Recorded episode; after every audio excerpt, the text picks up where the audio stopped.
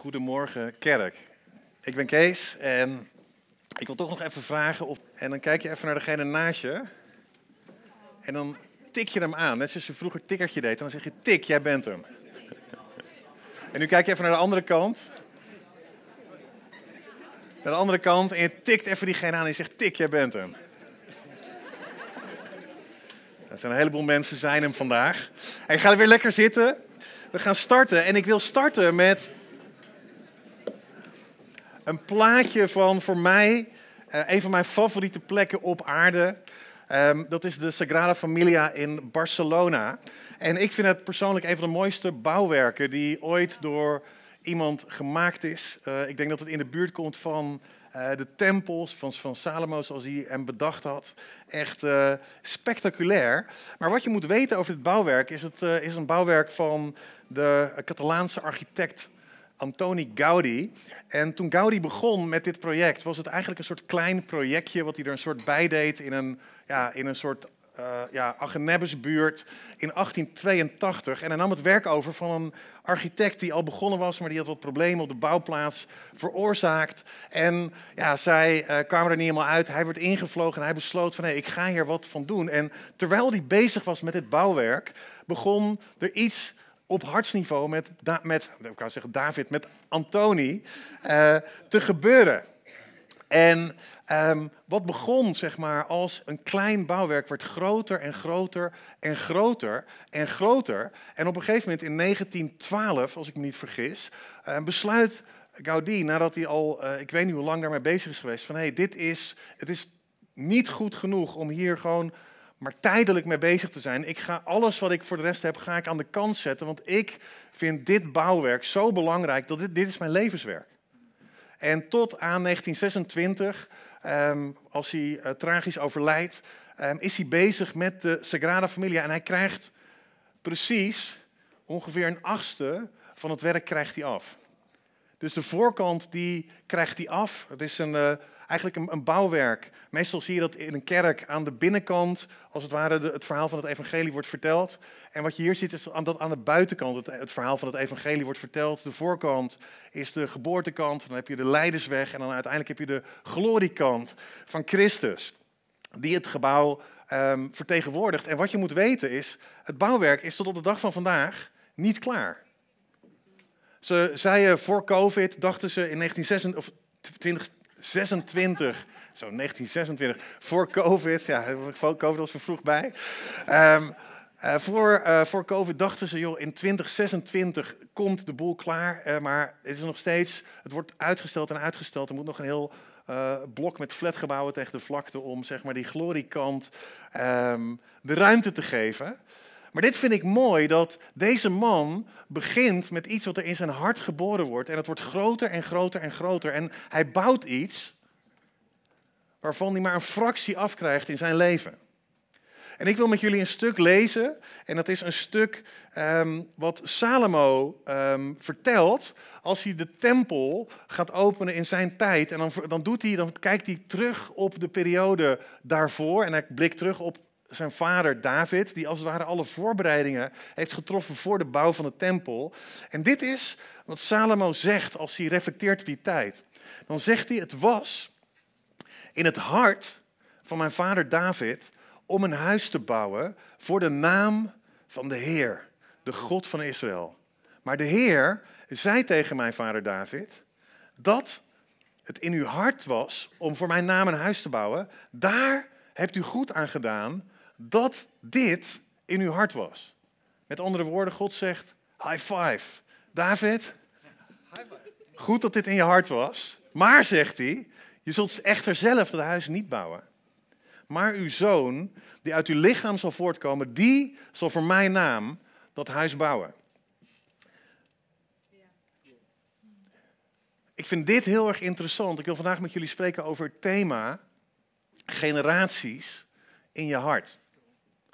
En wat je hier ziet is dat David, die krijgt notabene complimenten van God zelf. Die zegt van hey, het is goed wat er in je hart leeft. Het is goed dat je dit voor mij hebt willen doen. Het is goed, alleen jij gaat het zelf niet doen. En wat is daarop de reactie van David? De reactie van David is niet, die denkt, ja, oké, het is niet voor mij, ja, dan, dan gaat een ander het maar doen. Maar David is dag in, dag uit voorbereiding aan het treffen. Hij is dag in, dag uit met extreem veel passie, met extreem veel emotie, is hij voorbereiding aan het treffen om iets te bouwen wat uiteindelijk hij zelf nooit gaat zien. En er is in het hart van David is er, een, is, is iets generationeels, iets groters. Iets wat zijn eigen lichaam, zijn eigen tijd, zijn eigen leven op aarde overstijgt. Wat hij aan het bouwen is. En het is alsof David een boom plant waarvan hij zelf weet dat hij nooit in de schaduw gaat zitten van die boom. Het is alsof hij eh, een, een, een plek voorbereidt waarvan hij weet, ik ga zelf nooit genieten zoals de rest van, zoals mijn zoon en de, en, en de mensen uit zijn tijd daarvan gaat genieten. Ik ga hier zelf nooit iets van zien, maar dat stopt David niet om in de realiteit te wandelen van de voorbereiding van datgene wat in zijn hart is. En met zoveel passie en met zoveel toewijding te bouwen, dat hij het fundament legt voor iets waarvan hij het, het, het uiteindelijke product nooit gaat zien. En als je dan kijkt naar hoe kathedraals zijn gebouwd in bijvoorbeeld in Europa, dan is de gemiddelde tijd voor een kathedraal ligt ergens tussen de 100 en de 300 jaar. En in Europa spant de Dom in Köln, die spant de kroon, want die is gebouwd over een periode van 632 jaar. Moet je even voorstellen dat Niek hier volgende week als penningmeester van Mystery naar voren komt en die zegt: Jongens, we hebben een bouwproject. We hebben een bouwproject en wij gaan maandelijks iets apart zetten voor een geweldig gaaf project. En dat je vraagt van, joh, ja, wat is het? Ja, zegt Niek, het is niet, niet alleen voor ons, het gaat een tijdje duren.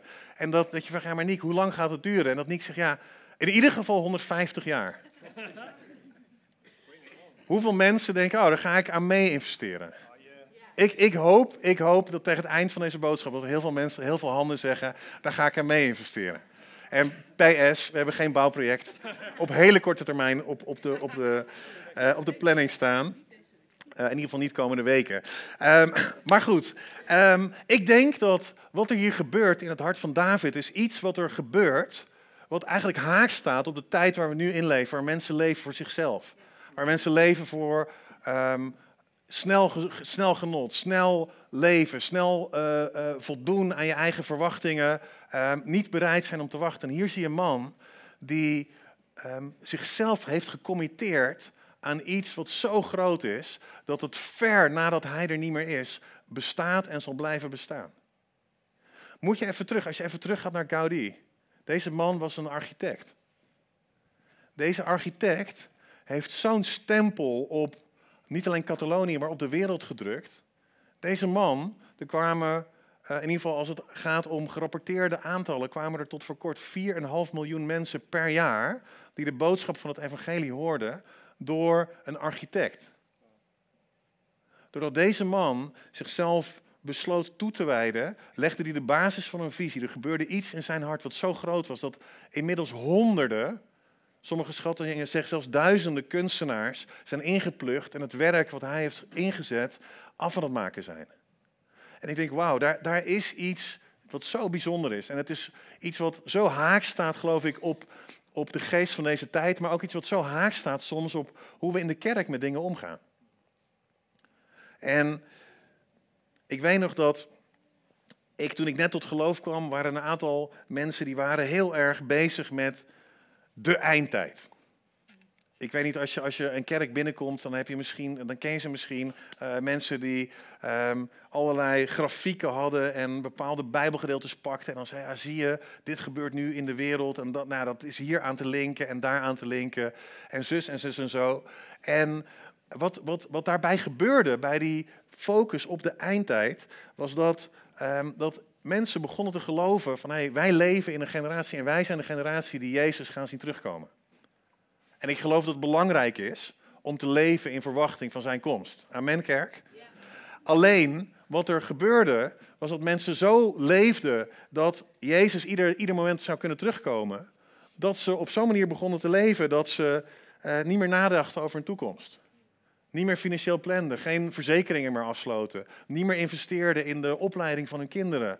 Um, en eigenlijk bezig waren, zelfs in de taal naar mensen die God nog niet kenden, bezig waren als een soort hit and runs. hey, het kan morgen te laat zijn, dus uh, is nu belangrijk dat je Jezus aanneemt. En niet het werk deden om invested te zijn in de maatschappij. Niet uh, het harde werk deden om relaties te leggen, om diepte-investeringen te doen. Weet je wat Maarten Luther zegt, of in ieder geval, dat is een quote die aan hem wordt toegedicht. Er staat, als morgen de wereld vergaat, plant ik vandaag nog een appelboom. En ik denk dat het zo belangrijk is om mensen te zijn die leven, die leven met een hart wat, waar, waar dingen in gebeuren die als het ware zo groot zijn, zo bijzonder, dat ze ons eigen leven ver overstijgen. En dat we uitkijken dat we niet die, als het ware, die, die, die, die valstrik instappen, dat we denken, oh, ja, alles, alles is straks uh, voorbij, dus is investeren niet meer zo nodig. Ik denk dat sommige mensen echt leven, ook leven met Jezus, alsof ze alles uitgeven wat ze hebben in de hoop dat ze de loterij morgen winnen. En ik denk dat dat geen verstandig financieel beheer is. Ik denk dat het geen verstandige manier is om je leven te leven. Ik denk dat het belangrijk is om met wijsheid te leven. Amen? Amen. En nu, als we nu kijken in deze tijd, dan zie ik een soort theologie die nu in de kerk komt, die niet hetzelfde is als die eindtijdtheologie, maar alle kenmerken heeft van die theologie. Van, oh Jezus komt morgen terug en wat gaat er, wat gaat er nu gebeuren? En dit is, zeg maar, het verhaal, zeg maar, de theologie in een paar zinnen is dit. Hey, we leven in de laatste dagen en God gaat een extreem groot werk doen. En Gods geest gaat over de hele wereld komen en de oogst gaat binnengehaald worden en iedereen gaat gered worden en samen gaan we naar de hemel. En ik zou tegen je willen zeggen, gaan we mensen gered zien worden? 100%.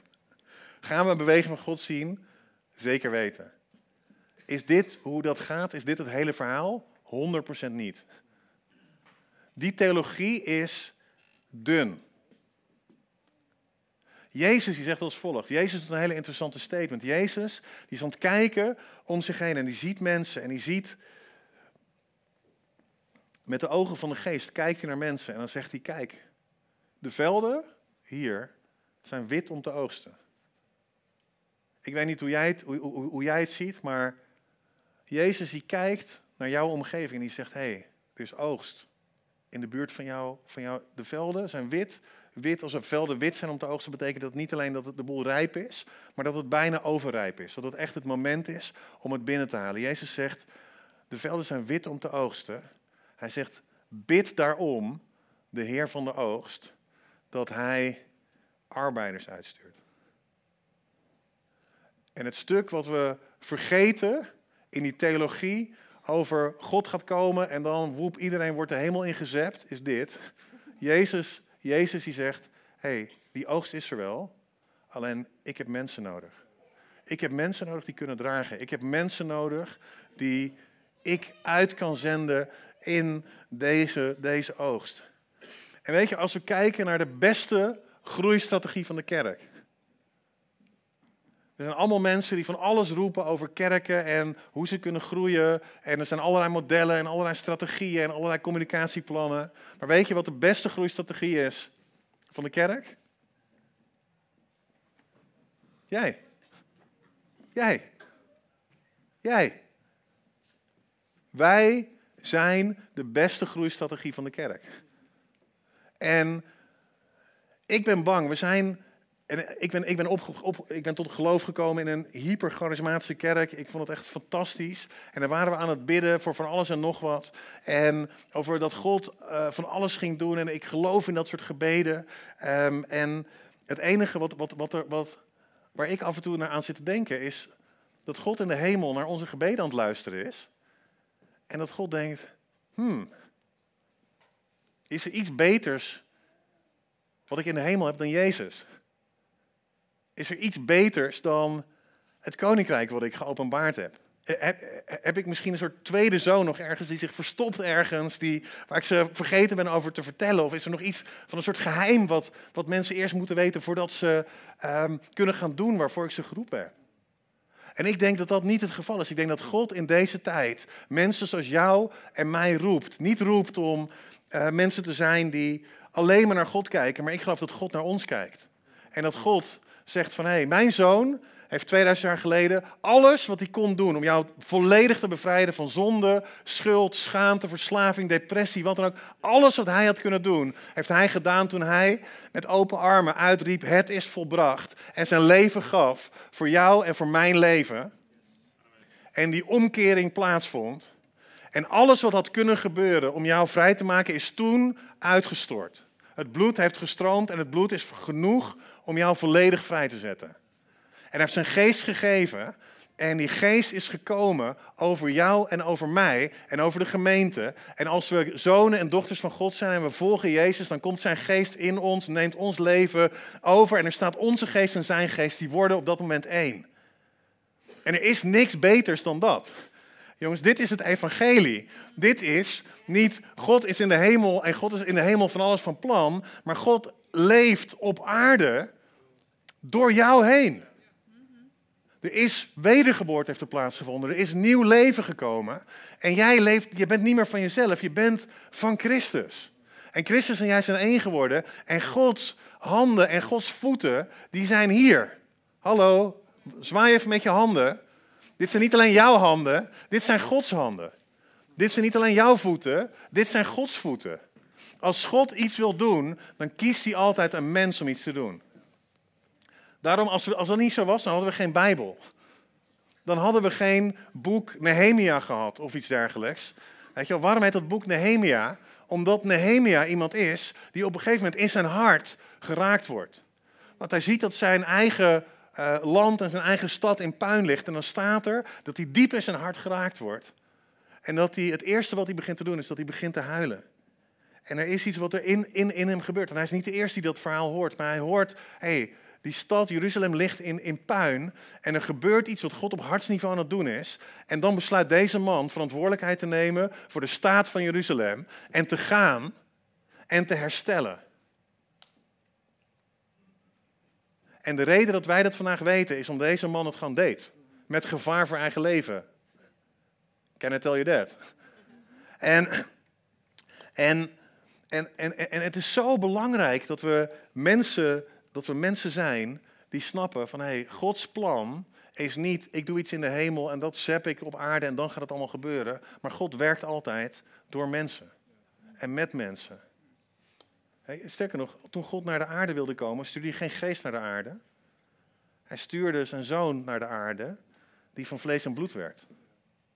Die werd niet als volwassene geboren, maar hij werd als kind geboren. De, God is een God van proces. God is een God van generaties. God is een God die een kind geboren laat worden, dat op laat groeien tot een volwassen man.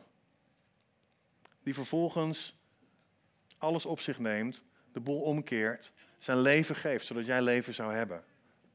Jouw onrechtvaardigheid op je pakt, zodat jij rechtvaardig zou worden en vrijgesproken zou worden. En, en Weet je, wat is er nodig aan onze kant? Aan onze kant is het nodig dat we mensen zijn met het hart van een dienaar. Als Jezus over zichzelf spreekt, dan zegt hij: Ik ben nederig van hart. Het laatste avondmaal, de, ja, de meest cruciale moment. En Jezus wist wat er met hem ging gebeuren. Moet je je voorstellen, even de, de, de druk, de psychologische druk waar Jezus, mee, die, die, waar Jezus onder stond in de laatste momenten van zijn leven. En wat kiest Jezus om te doen? Jezus die weet dat hij gaat sterven. En wat kiest hij? Waar kiest hij voor? Hij kiest ervoor om maaltijd te hebben met zijn volgers. En dan staat hij op en hij weet van ja, ik, ik heb mijn koninklijke waardigheid die ik in de hemel had, heb ik afgelegd. En dan pakt hij een schort die hij voorbindt. En dan begint hij de voeten van zijn volgers te wassen. En, en dan hebben ze de maaltijd. En weet je waar zijn volgers vervolgens over beginnen te, te, te bekvechten? Wat denk je? Wie is de belangrijkste? Wie is het belangrijkste van ons? En ik denk, yo, Jezus, wat, waar moet je doorheen zijn gegaan? Waar moet je doorheen dat je weet van, ik ga mijn leven hier geven. En dit zijn de mensen in wie ik drie jaar lang dag en nacht heb uitgestoord. En ik heb hun voeten net gewassen. En waar zijn ze mee bezig? Ze zijn bezig wie het belangrijkste van hun is. Wow, even serieus. Moet, moet Jezus bijna wel in de schoenen geschonken zijn, toch? Um, maar dit is wat Jezus zegt. Jezus die pakt wat zij, wat, wat, waar zij het over hebben en Jezus draait het om. Hij zegt niet van hey, het is slecht dat je bezig bent met het zijn van de grootste. Maar hij zegt van hey, ik, wil, ik wil de accent wil ik helemaal anders leggen. En dan zegt hij dit. Er staat in, in Lucas 22 staat het volgende. Er ontstond ook oneenigheid onder hen wie van hen het belangrijkste was. Maar Jezus zei tegen hen, de koningen van de volken heersen over hen. En zij die macht over hen hebben, worden weldoeners genoemd. Maar, zegt hij, zo moet het bij jullie niet zijn. Laat wie het belangrijkste is, de minste zijn. En wie een leider is, een dienaar. En ik denk, dit is, als mensen dit zouden pakken, als mensen de diepte zouden pakken van deze woorden, dan verandert je leven. Dan verandert je leven echt radicaal. Jezus zegt niet, het is slecht om de belangrijkste te zijn. Maar Jezus zegt, hey, om de belangrijkste te zijn, vraagt het een bepaalde kwalificatie en een bepaalde hartsgesteldheid. En Jezus die zegt, laat wie de belangrijkste is, de minste zijn. En wie een leider is, een dienaar. In de grondtekst staat hier, wie een leider is, een slaaf. En ik denk, wauw, oké, hmm, that's a game changer. En dan zegt hij, de hij zegt, want wie is belangrijker? Degene die aan tafel aanligt of degene die hem bedient? En deze mannen die hebben net allemaal met Jezus avondmaal gevierd. En dan staat er, hij zegt, maar ik heb mij bij jullie als een dienaar opgesteld. En Jezus, die wist dat de hele purpose van deze groep lag in zijn dood en uiteindelijk zijn opstanding en wie ze zouden worden in de gemeente. En die zei van hé, hey, ik heb mij bij jullie als een dienaar opgesteld. En dan zegt hij, jullie zijn in al mijn beproevingen al door bij mij gebleven. Ik verleen jullie het koningschap, net zoals mijn vader mij het koningschap heeft verleend. Weet je wat ik zo mooi vind? Is dat Jezus zegt: hey, het is niet erg om te streven om de belangrijkste te zijn. Het is niet erg om te streven om de meeste te zijn. Het is zelfs fantastisch om, om bewust te zijn van je koninklijke waardigheid. Maar hij zegt: het gaat door het hart van een dienaar. Als we mensen zijn die het hart hebben om echt te dienen, dan gaan we verandering zien. Als je mij vraagt, wat zijn de leiders van de toekomst? Wat zijn de leiders die uh, letterlijk alle gebieden van de maatschappij gaan beïnvloeden en, en, en de hele maatschappij gaan kantelen richting rechtvaardigheid en richting goedheid. Het zijn mensen met een dienend hart. Het zijn mensen die besluiten, ik ben hier niet voor een functie, ik ben hier niet voor erkenning, ik ben hier niet om de beste te willen zijn. Um, ik ben de beste omdat ik besluit niet mezelf als heerser op te stellen. Ik ben hier om een, als dienaar mezelf op te stellen. En ik vind het zo powerful dat Jezus belooft dat hij zegt van hé, hey, jullie zijn door, bij mij gebleven, ik verleen jullie het koningschap. Weet je, Jezus die verleent jou koningschap, koninklijke waardigheid. Koning, je bent als je, het maakt niet uit waar je, waar je natuurlijke wieg heeft gestaan, waar het om gaat is, ben je wederom geboren. Ben je opnieuw geboren? Ben je uit God geboren? Ben je uit God, van, van boven geboren? Ben je, heb je koninklijke bloed door je, door je lijf en je lichaam heen stromen? Ongeacht wat je ouders hebben meegegeven, ongeacht waar je doorheen bent gegaan. Waarom? Omdat God je leven heeft geraakt en veranderd. En als God je leven heeft geraakt en veranderd en je bent uit Hem geboren, dan heb je koninklijk bloed door je eigen lijf heen stromen. Dat betekent, heel plat gezegd, dat je niet kan doen wat ieder ander maar doet. Weet je, ik weet nog dat toen ik opgroeide, toen, ehm, ja, toen, toen gingen we vaak, ik ben in Antwerpen opgegroeid, we gingen vaak naar eh, de speelgrond en nou, het was allemaal lekker, lekker wild en, uh, en, en, en, en wat iets meer zei. Um, en andere kinderen die mochten bepaalde dingen wel van hun ouders en die mochten bepaalde zaken uh, wel of niet.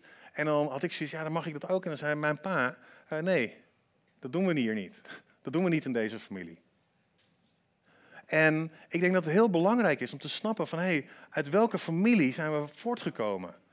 Uit welke familie, wiens bloedlijn dragen we in ons? Omdat we um, leven, wandelen, um, groeien in de bloedlijn die door ons leven heen stroomt. En dat betekent, als je van koninklijke waardigheid bent, dan betekent dat, heeft dat consequenties op je levensstijl. Toch of niet? Jullie zijn zo stil vandaag. Toch of niet?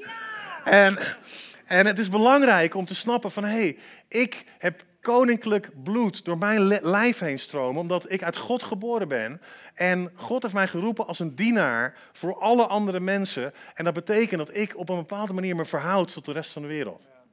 En ik doe niet zomaar wat de rest van de wereld doet. Als de rest van de maatschappij zegt, hey, we gaan die kant op, ja, lekker belangrijk. Jongens, dat is niet mijn familie. Ik kom uit een koninklijke familie. En in mijn familie zijn er standaarden die misschien anders zijn dan de standaarden die we hier hebben.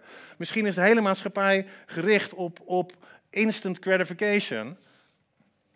Ik kom uit een koninklijke lijn die gericht is op lange termijn.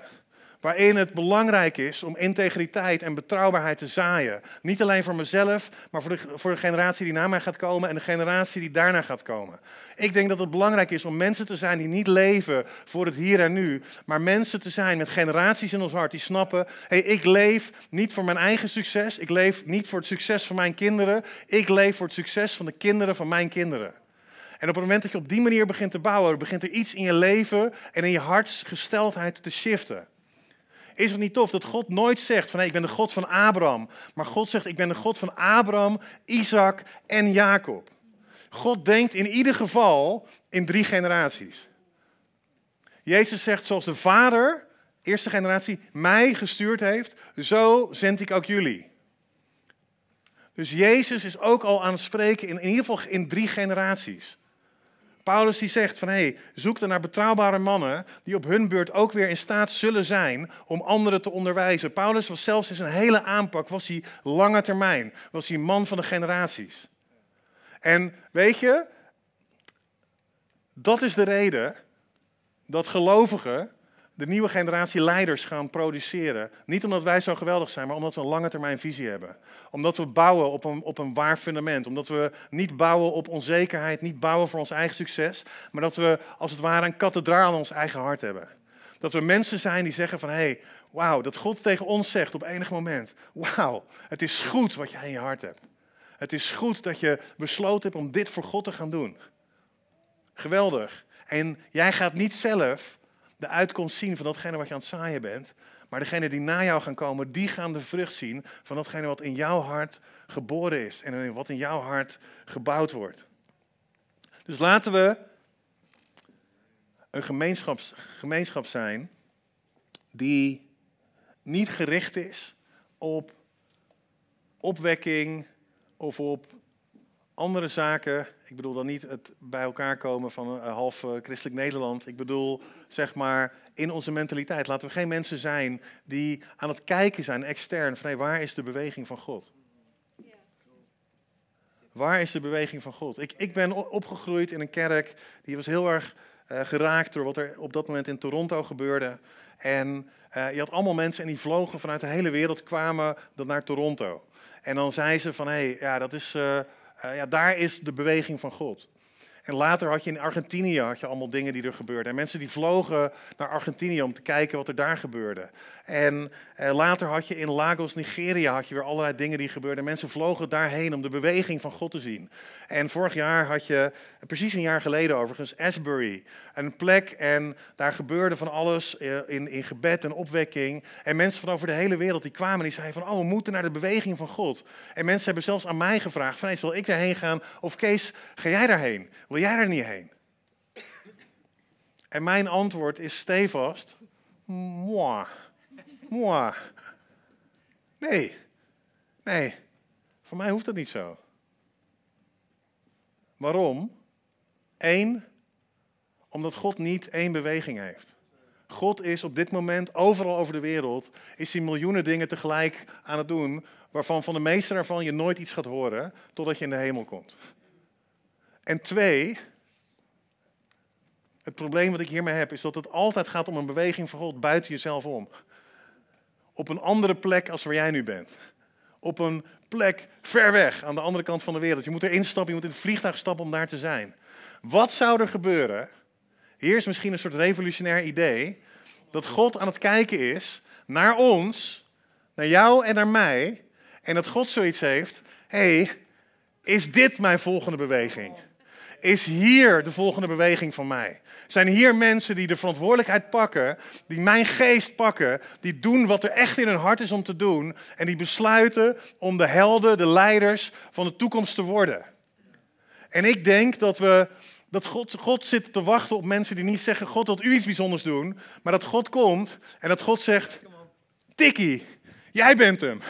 Tikkie, jij bent hem. Tikkie, jij bent hem. En het is nu jouw tijd.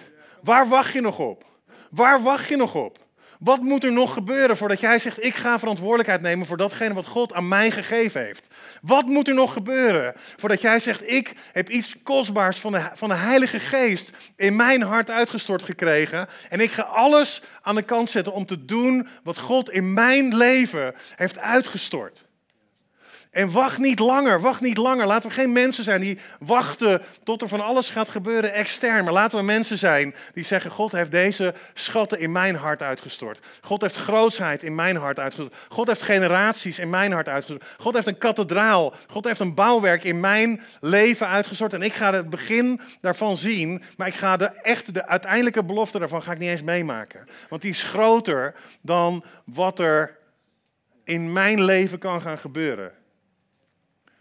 Weet je, als Paulus spreekt in Efeze, dan zegt hij van hey, God is in staat om oneindig veel meer te doen dan we kunnen bidden of beseffen, door de kracht, die nu in ons werkt. Hey, dit is een revolutionair idee, maar God is in staat om oneindig veel meer te doen dan jij kan bidden of dan jij kan beseffen. Niet door kracht die in de toekomst over je leven gaat komen, maar door de kracht die Hij nu al in je leven heeft uitgestort. En wat zou er gebeuren als we, als we zouden afkijken van, wegkijken van snelle winst, shortcuts. Al, weet je, ik kan je één ding zeggen, er bestaat niet zoiets als shortcuts in het Koninkrijk van God.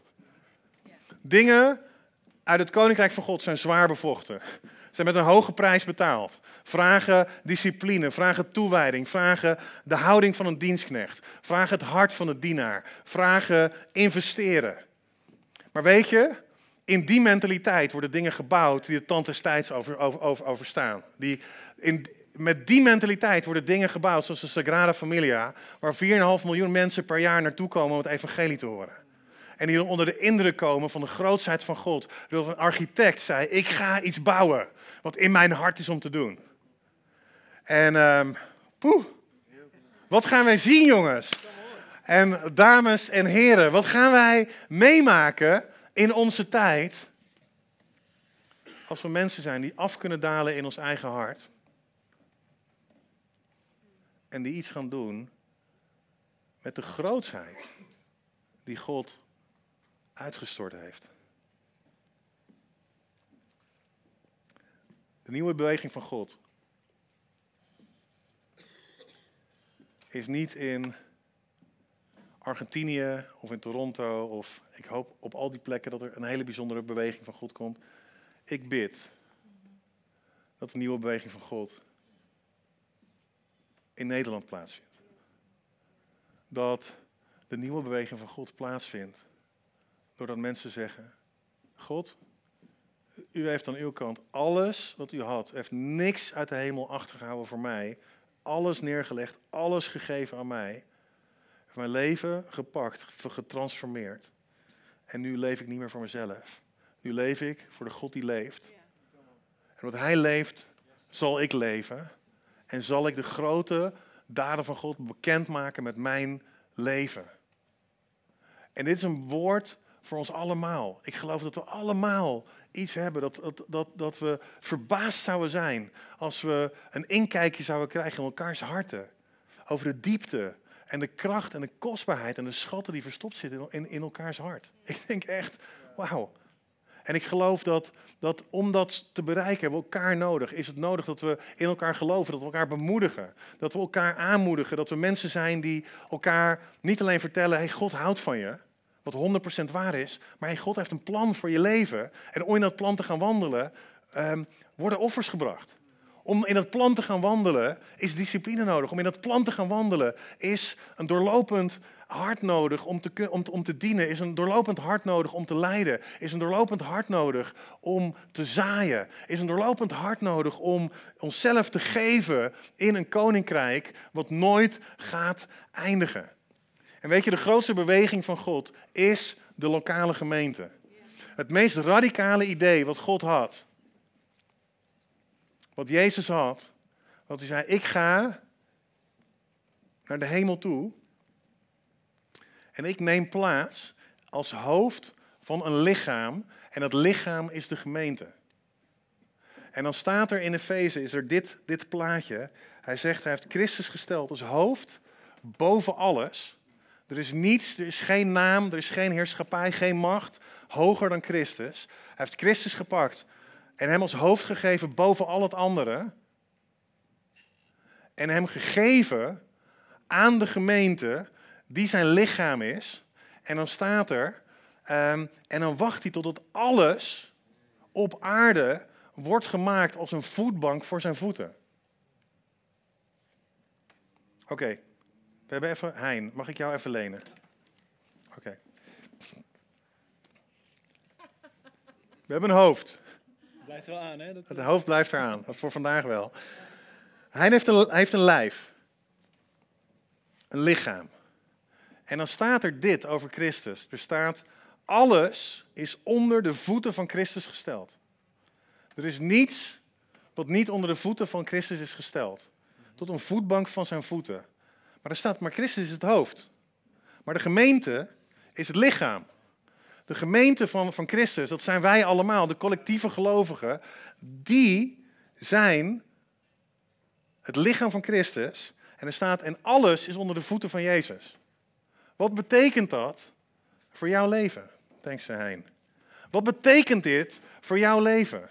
Dat betekent als wij het, het lichaam van Christus zijn, is alles onder onze voeten gesteld is er niks. Geen heerschappij, geen macht uit de hel, geen demon, geen aanklacht die kan stand blijven houden tegen jou. Het betekent dat alles onder jouw voeten gesteld is als jij onderdeel bent van het lichaam van Christus. En ik denk, oh, wauw, als we mensen hebben die aan de ene kant een autoriteit snappen, die snappen, hier ben ik voor geroepen, dit is wat God in mijn leven aan het doen is. En dit is de plek die ik heb gekregen, als kop en niet als staart.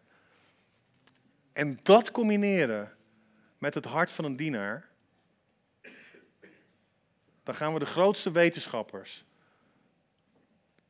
de grootste leraren, de grootste politici, de grootste ondernemers, de grootste uh, uh, schoolgemeenschappen, we gaan, we gaan uh, de grootste muzici zien, we gaan de grootste artiesten zien, we gaan mensen zien met een hart die het bloed van, van het, het koninklijke bloed door hun leven hebben, hebben, hebben stromen maar die zeggen, ik, ik ben hier en ik ben hier om een verschil te maken. Ik ben hier om te dienen. Ik ben hier om mijn leven uit te gieten voor anderen. En datgene wat er in mijn hart is, ik ga leeg sterven. Ik ga niet vol sterven. Ik ga alles wat er aan potentieel, alles wat God in dit hart heeft gegeven, ga ik eruit uit, laten stromen voor andere mensen. Om ze op te doen staan, om ze te laten staan, te laten schijnen. En om deze wereld tot redding te zien komen. Gaan wij een grote beweging van de geest van God zien? You better believe it. En wie zijn er daarvoor nodig? Mag ik handen zien? Wie zijn daarvoor nodig? Daar zijn wij voor nodig. Daar zijn wij voor nodig. En God geeft ons de eer om deel te hebben aan die gemeente en aan dat hart. Wauw. Vet toch? Dus, wat gaan we doen? We gaan een hoop doen.